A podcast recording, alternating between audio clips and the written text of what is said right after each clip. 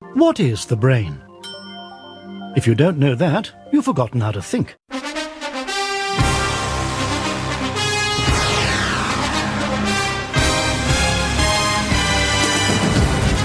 Please ensure you have your copybook at hand, as you'll be asked to take down notes from the screen at various points throughout the program. Du hører på uillustrert vitenskap.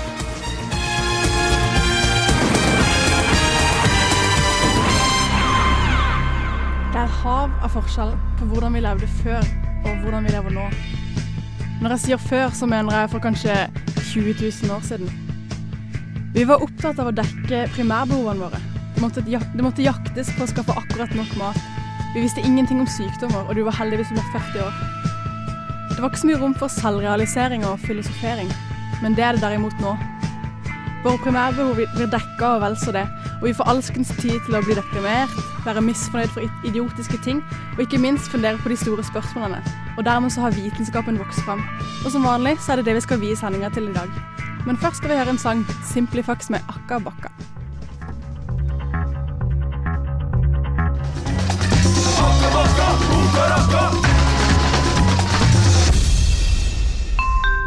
Radio Revolt på FM 97,9. Der var Simplifax med Akka Bakka. Veldig kul eh, og rar og trønderaktig sang. Du hører på Uillustrert vitenskap med meg, Susanne Sandell. Og meg, Ole Eivind Sigrud. Eh, vi er jo egentlig tre sånn til vanlig, men hva er det som har skjedd med Erlend i dag, egentlig? Han har vel blitt litt syk. Ja. Ja. Han har faktisk vært og laga en reportasje til oss som vi skal få høre seinere i sendinga. Fordi at eh, sjekka over Dagbladet i dag morges, så hadde de funnet masse nye planeter. Eh, 32, var det ikke det? Jo. Og det var eksoplaneter. Hva er eksoplaneter for noe? jo, eksoplaneter er da planeter som uh, går i bane rundt en annen stjerne enn uh, vår egen sol. Ja, Ja, og så utenfor vårt solsystem, da? Eller? utenfor vårt solsystem, ja. Ja, det skal vi også få vite litt mer om. Det har Erlend sett litt eh, nærmere på. Og så uh, skal vi ha litt grann om vitenskap på film, for det har du sett nærmere på. Ja, det har jeg sett nærmere på. Jeg er jo både filmnerd og science-nerd, så jeg setter veldig pris på god vitenskap også i film. Så. Ja, Det var jo fint at du kunne finne et emne der de to møttes. Det er ikke så ofte Jeg har fått inntrykk av at det er mye kødd med vitenskap og film, at ikke alltid alt stemmer helt. Ja, det er jo dessverre det som er resultatet, da, stort sett. Um, men det er kanskje litt grunn til å ha gode forhåpninger, da. Ja, Har du sett filmen Evolution? Ja, den var ikke Den er litt veldig morsom i forhold til vitenskapen. Utrolig eh, morsom film. Men eh, jeg har sett litt nærmere på eh, at psykologer forundres over enkelte deler av menneskelig oppførsel. Da. At selv om vi har gjort mye forskning og sånn, så er det enkelte ting med menneskets oppførsel som er ganske rar. Eh, men aller først så skal vi få høre Dizzie Rascal med 'Freaky Freaky'.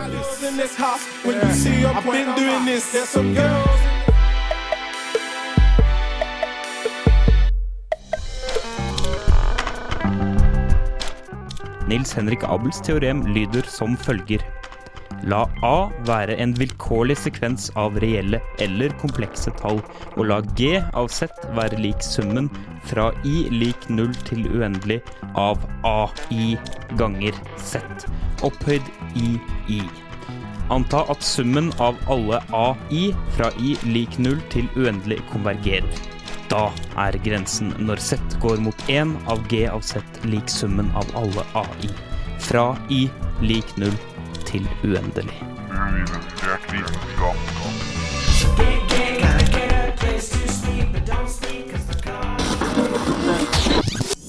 Radio Revolt. British Psychological Society publiserte nettopp sin 150. utgave av Research Digest. I den forbindelse så spurte de 23 psykologer som er veldig kjente i sitt felt, om hvilke ting de ikke kunne forstå ved seg sjøl. Mange av de fortalte om fenomenet at det å forstå en oppførsel ikke gjør noen ting for å forandre oppførselen. En av de fortalte f.eks. om studier han har gjort med vær og syke, som har vist at man kan bli i dårlig humør når det er dårlig vær ute. Selv om han vet dette her, så stopper ikke det han fra å føle seg litt nedfor på en regntung dag. En annen ting er at selv om psykologer har stadfesta at vi lærer av erfaring, så er vi fremdeles elendige på å bruke den kunnskapen til å forutsi hvordan vi kommer til å takle en situasjon. For eksempel, jeg setter meg alltid et mål om å lese så og så mange sider, eller gjøre så og så mye når jeg går inn på lesesalen. Men konsekvent så får jeg aldri mer enn halvparten gjort. sannsynligvis enda mindre. Allikevel så fortsetter denne oppførselen. Jeg tror oppriktig at jeg kan lese 50 sider på et par timer, mens jeg egentlig bare kan lese 20.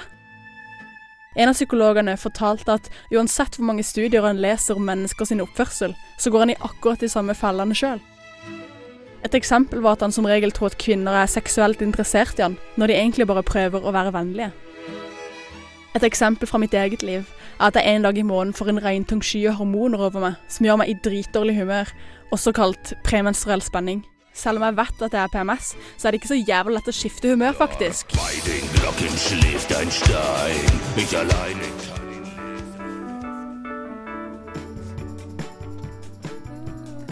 Du hører, Lake med Don't Give Up i bakgrunnen der på Uillustrert vitenskap på Radio Revolt FM 97,9.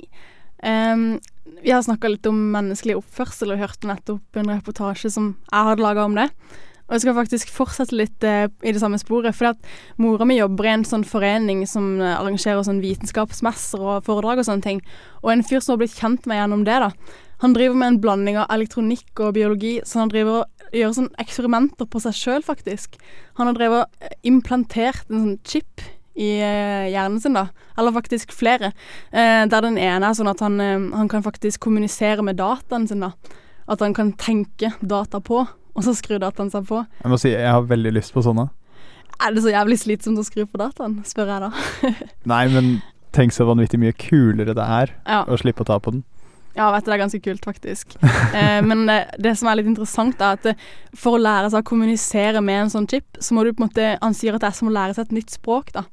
Eh, at du må lære deg å tenke på en spesiell måte. Og når du får informasjon, fra en sånn chip, for det kan du jo også få, eh, så må du lære deg å tolke det. Og det er akkurat som å lære seg et nytt språk, eh, rett og slett. En annen sånn litt stilig sånn ting som han og kona har gjort, da, er at han har implantert en chip inn i hodet på seg sjøl og inn i hodet på kona, som kommuniserer med hverandre. Sånn at det blir på en måte nesten som en slags telepati, da, bare med vitenskapelig basis. Sånn at han kan Han får signaler om hva slags humør hun er i, f.eks. Sånn at han kan vite, selv om hun er på andre sida av kloden, så kan han vite om hun er glad eller sint eller opprørt, ikke sant. Så kan han bare ringe og Åssen går det? Eller eventuelt bli på jobben litt lenger, eller Ja.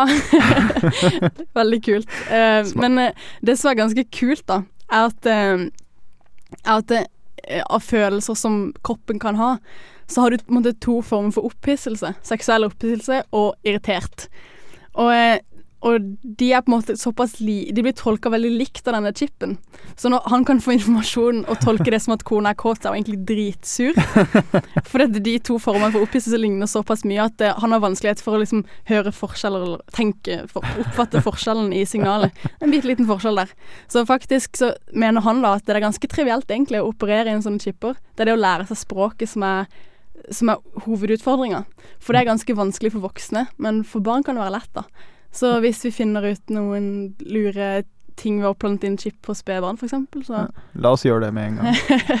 Ja, jeg vet ikke om, liksom, om jeg ville planta inn en chip som at de kunne skru på en data, liksom.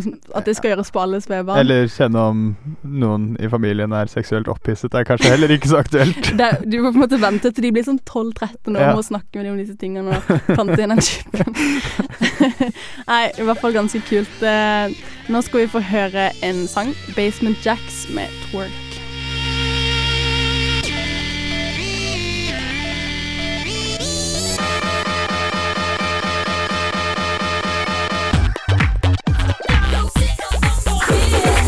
Radio Revolt. Du hører fremdeles på Uillustrert vitenskap på Radio Revolt, og vi har snakka litt om eh, humør, være glad, være lei seg og Ja.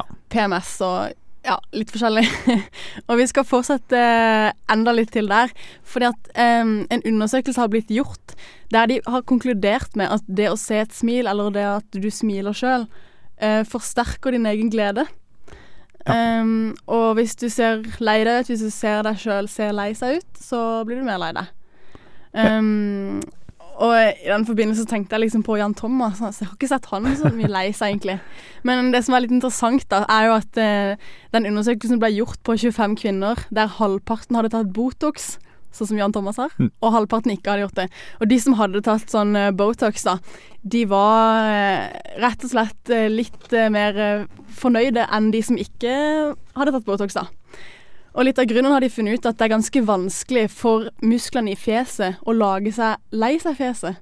Det er mye lettere å smile. Sånn at når du tar eh, Botox i fjeset, da, så mister du på en måte litt den evnen til å se lei deg ut.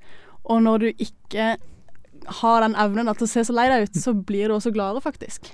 Ja, og det at man blir gladere hvis man smiler, og eventuelt da blir det dårligere humør hvis man lager sånn surmunn, munn, eh, det er jo ganske veletablert, da. Ehm, og godt testet. Og måten de testet det på, var ehm, Eller én måte de testet på, var å ha en eh, stor gruppe folk, og så halvparten ble bedt om å ha en penn i munnen, eh, der de bet med tennene og ikke hadde kontakt med leppene. Og da tvinger de dem til å ha, et, ha en smilende munn. Du kan jo prøve hvis du har en blyant ja. ja. med deg. Ja, prøv det med en blyant. Ja.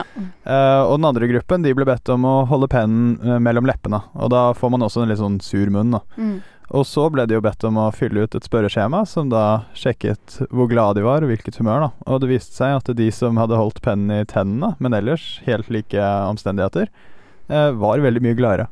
Mm. Så eh, det er et hett tips hvis du føler deg litt sånn kjip, så er det bare å dytte en blyant i munnen, og det blir bedre. Du hadde jo prøvd dette på eksamen. Ja, jeg, jeg prøvde det på eksamen i forrige semester da jeg møtte på en litt sånn vanskelig oppgave.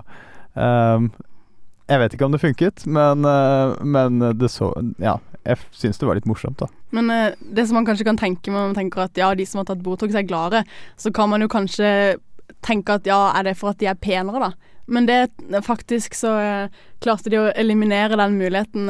og vi har jo på en måte sett at folk som tar plastisk kirurgi, som ikke handler om å sprøyte Botox inn i fjeset, f.eks. silikonpupper, De ikke tar oftere selvmord enn andre og er litt sånn. Mm. Så det, det går faktisk rett og slett på dette her med evnen til å vise lei seg-fjes. Ja. Så hvis du har lurt på hvorfor eh, Jan Thomas alltid ser så euforisk og fornøyd ut, egentlig, litt sånn stivt, men fornøyd smil, så er dette altså den vitenskapelige basisen.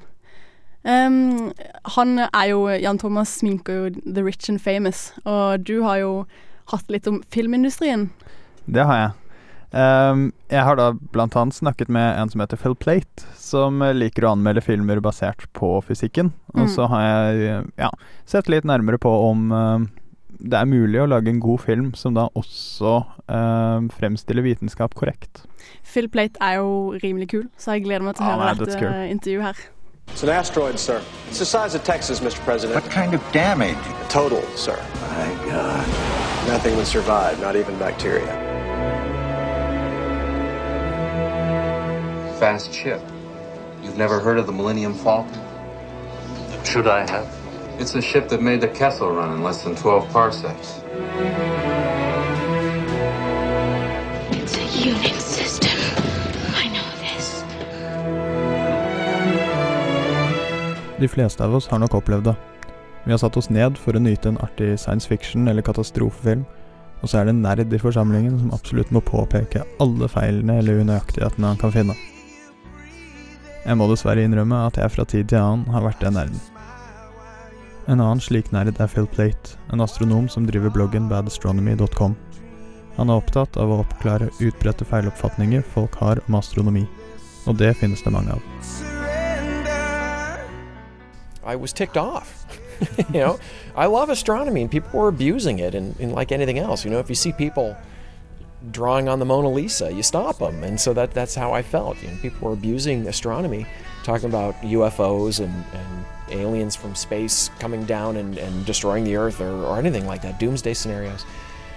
And uh, even just misconceptions that people had about why certain things happen, why the moon looks bigger on the horizon, why the sky is blue there are always these misconceptions about it, and I wanted people to see astronomy the way I see it. There's this incredibly beautiful tapestry of, of science and, and objects in, in space which are beautiful. The core of the Earth has stopped spinning. The spinning core protects us from cosmic radiation. Without it, radiation will create superstorms. Microwaves will literally cook our planet.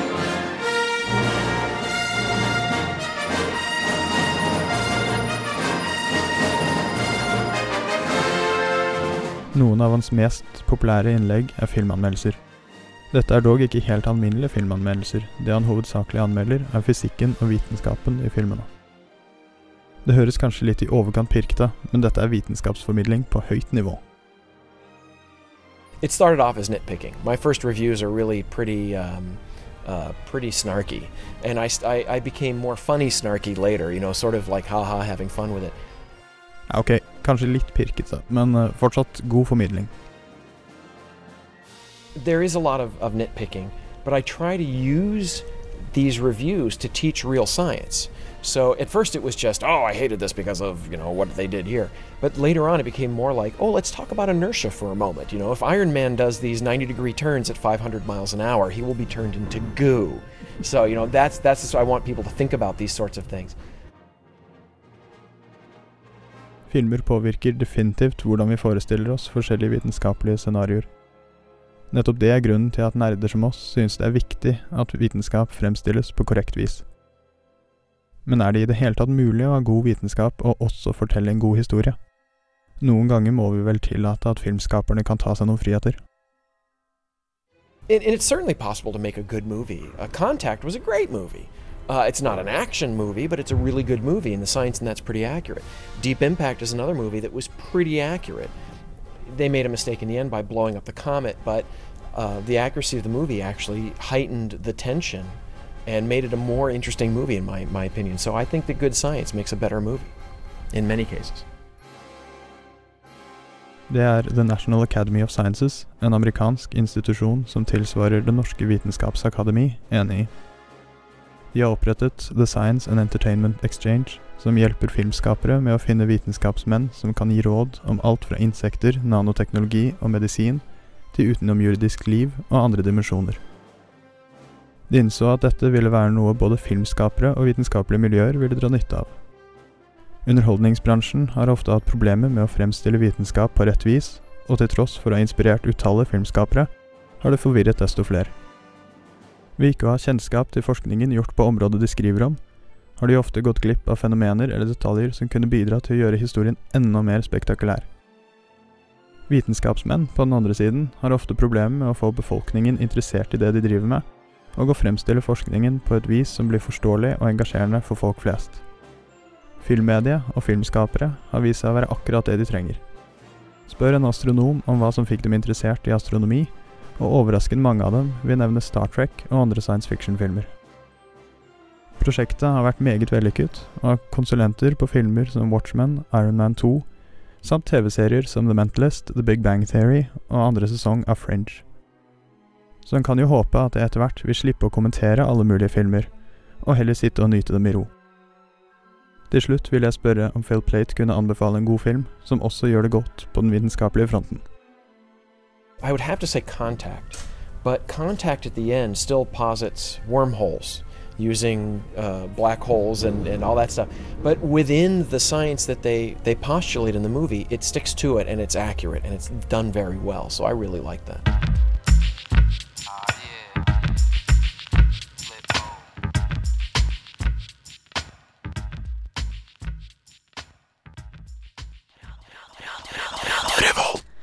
Det var Busta Rhymes, og før det så hørte du deg, Ola Eivind, som snakka litt om, eh, om, film og vitenskap. Eh, for vi ser jo ekstremt mye film som regel i løpet av livet vårt, og det er vel ikke så veldig mange av de som er så gode på å på en måte se hva som stemmer i forbindelse med vitenskap. Eh, men du hadde noen eksempler på hvilke som faktisk er ganske bra. Ja, um for de er, blir jo ofte veldig bra da når de trekker inn ordentlig vitenskap. Uh, Særlig for oss som bryr oss ja, om det. ja, men også som for alle andre, fordi det er gjerne tenk, ting folk ikke tenker på, men som Mm. da blir enda mer dramatisk. Et uh, eksempel er en TV-serie som heter uh, Firefly, som er en science fiction-serie. Um, og der har de valgt å ikke ha noe lyd uh, i um, rom, romscenene. da Når Mm. man ser disse um, romskipene fly rundt omkring, så er det jo helt stille. Ja, og vi er jo alltid lyd vant trenger noe Ja. Et medium, liksom. Det trenger et medium, og det er det jo ikke i verdensrommet. Um, og det blir jo bare enda mer dramatisk enn f.eks. Star Wars Alley, der de fyker forbi og Ja. Uh, Fordi det har man jo sett tusen ganger før. Mm. Mens plutselig så er det helt stille, og det blir jo eh, både veldig vakkert og uh, ekstremt dramatisk, da, syns jeg. Ja. Og så I filmen Deep Impact der er det jo et eller annet med en sånn drithøy, urealistisk høy bølge.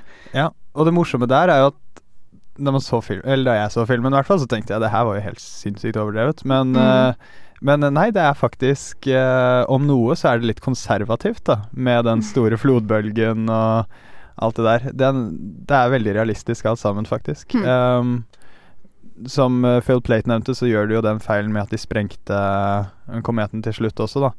Uh, som da ikke vil gjøre ting bedre. Tvert imot så kan de gjøre ting veldig mye verre. Ja. Men ellers så var alt veldig bra. Um, og eh, ja, et problem man ser, er gjerne at folk eller filmskaperne undervurderer krefter og størrelsesordener involvert. da.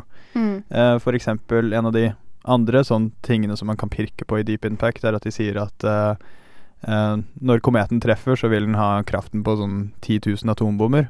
Som høres jo helt vilt ut, Mm. men egentlig så skal det være sånn 400 000 eller et eller annet sånt. Noe enda mer. Naturen er liksom mer utrolig enn det vi kan forestille oss av og til. Ja. Eh, vi har vært litt inne på verdensrommet, og det skal vi faktisk komme inn på etterpå også, for de har oppdaga masse nye planeter. Eh, nå skal vi få høre litt musikk aller først. The XX med Crystallized.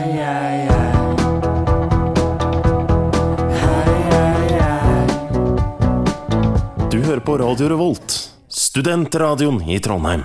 Og før det så hørte du XX med Crystallized. Og vi skal snakke litt om eh, kullsyre, eller CO2.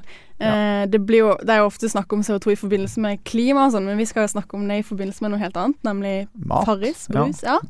Fordi at eh, tidligere så har det jo vært trodd at man får lyst på brus eller Farris da, fordi at man liker den der stikkesmaken, eller stikkefølelsen av CO2 på tunga. Sprudlingen. Ja. Sprudlingen, ja. Sprudlevann.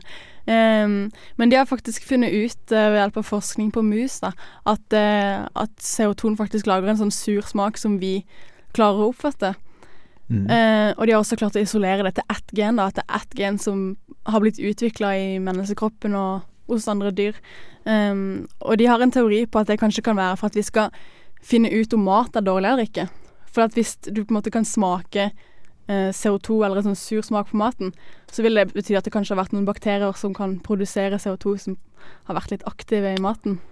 Lurt. Ja, men eh, det er jo liksom at man liker muggost, selv om det smaker mugg og lukter helt grusomt. Så, så liker man da ting med CO2 i fordi det smaker CO2. Det blir jo nok et eksempel på noe som har blitt utviklet fordi det var hensiktsmessig på én måte, men så har vi brukt det til noe annet. Ja.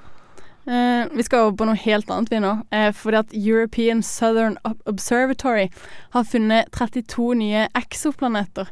Eh, og exoplaneter, det var altså Det er da planeter som går i bane rundt andre stjerner enn vår egen. Ja, at de er utenfor vårt eget solsystem. Exo betyr kanskje utenfor. Det er vel noe sånt nå, ja. Ja. Um, og eh, det er jo bare et spørsmål om tid før vi finner en annen planet som ligner uh, på vår egen jord. Og da øker jo sjansen for at det kan finnes liv der. Ja, det blir spennende. Så akkurat dette her med å finne nye planeter syns jo vi i Uillustrert vitenskap er kjempekult. Ja, dødskult, rett og slett. Erlend Tveten, som eh, også er med i dette programmet, han er jo syk i dag. Men han har produsert en liten reportasje der han snakker litt om disse exoplanetene. Det kan vi høre nå.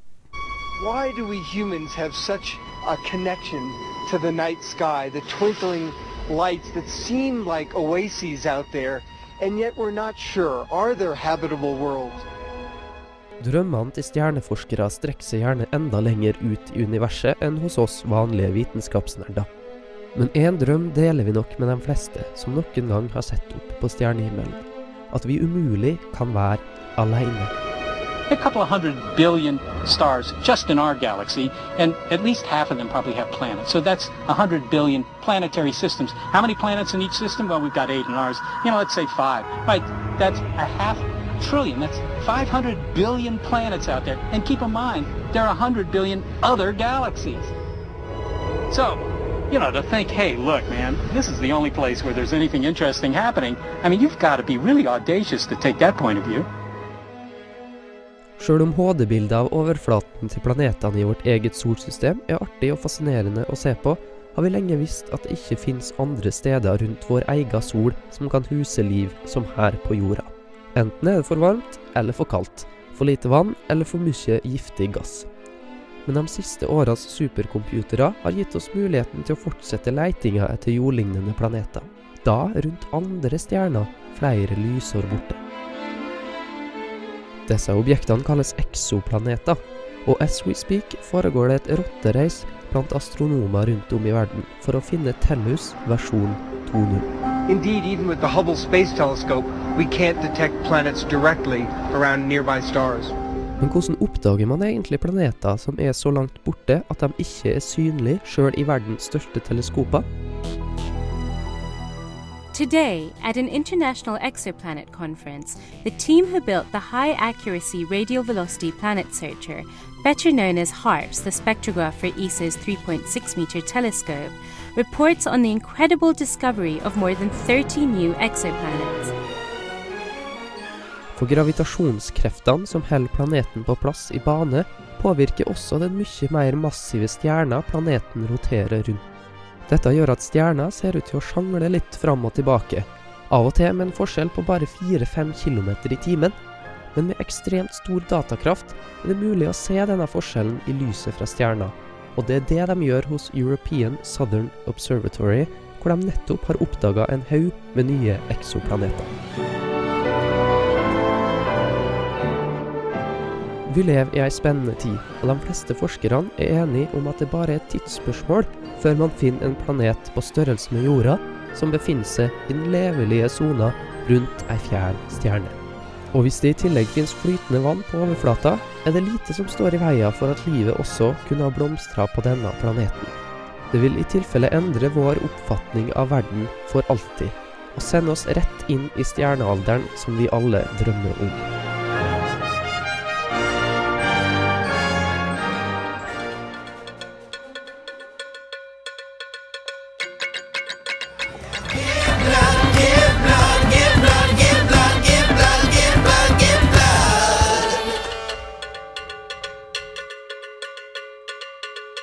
Radio Revolt. Du hørte Rain Machine med Give Blood i Illustrert vitenskap på Radio Revolt. Og før den så hørte du den søte forkjøla stemmen til Erlend Tveten, eh, som er, egentlig er med i vårt program, men som har gått hjem for å legge seg og bli frisk. Um, I forbindelse med dette at de finner nye planeter og sånn, så snakker jo Erlend om um, at det finnes mulighet for uh, liv, eller intelligent liv, da, utenfor jorda. Um, og i forbindelse med det så har vi noe som heter The Drake Equation, og hva er det egentlig den går ut på? Jo, det er jo et, tankeeksperiment. da. Det er jo ikke en lov eller noe som gir oss et fasitsvar på noen som helst måte, men det er et tankeeksperiment som har som mål å finne litt sånn eh, Hvor store sjanser er det for at vi finner liv? Og Mm. eh, måten den gjør det på, er at den først går ut fra en, at man har formeringsraten av stjerner i galaksen, altså hvor mange stjerner som dannes. Det vet vi vel litt Og grann om, ikke Det det? vet vi eh, litt om. Ja. Um, og så ganger man jo med andelen av stjernene som har planeter. Og da snevrer man jo inn, og så snevrer man inn mer ved å ta, ta gjennomsnittlig antall planeter som kan støtte liv, per stjerne som har planeter. Det blir vel liksom som at jorda Også, er den eneste i vårt solsystem. Ja.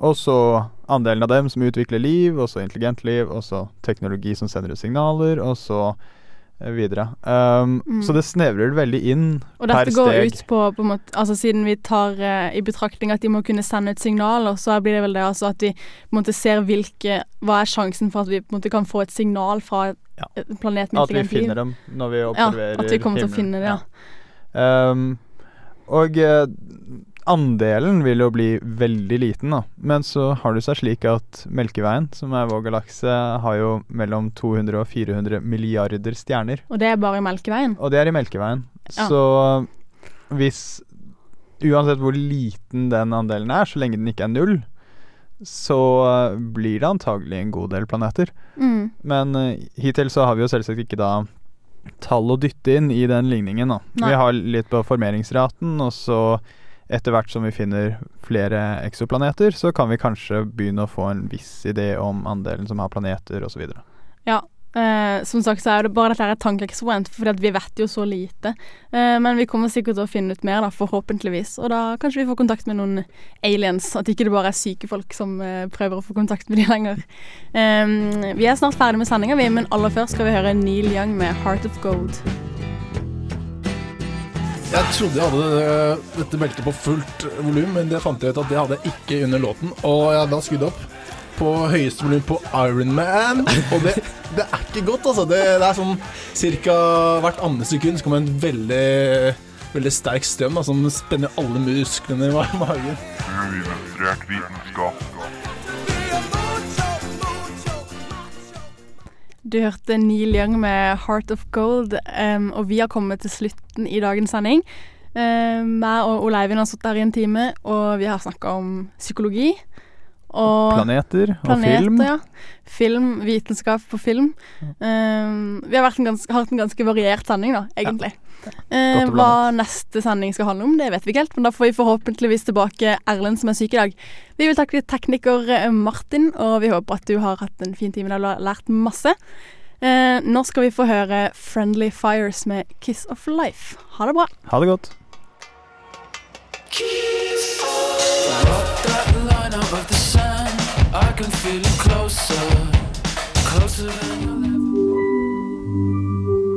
Uillustrert vitenskap er Midt-Norges eneste teknologimagasin på lokalradio.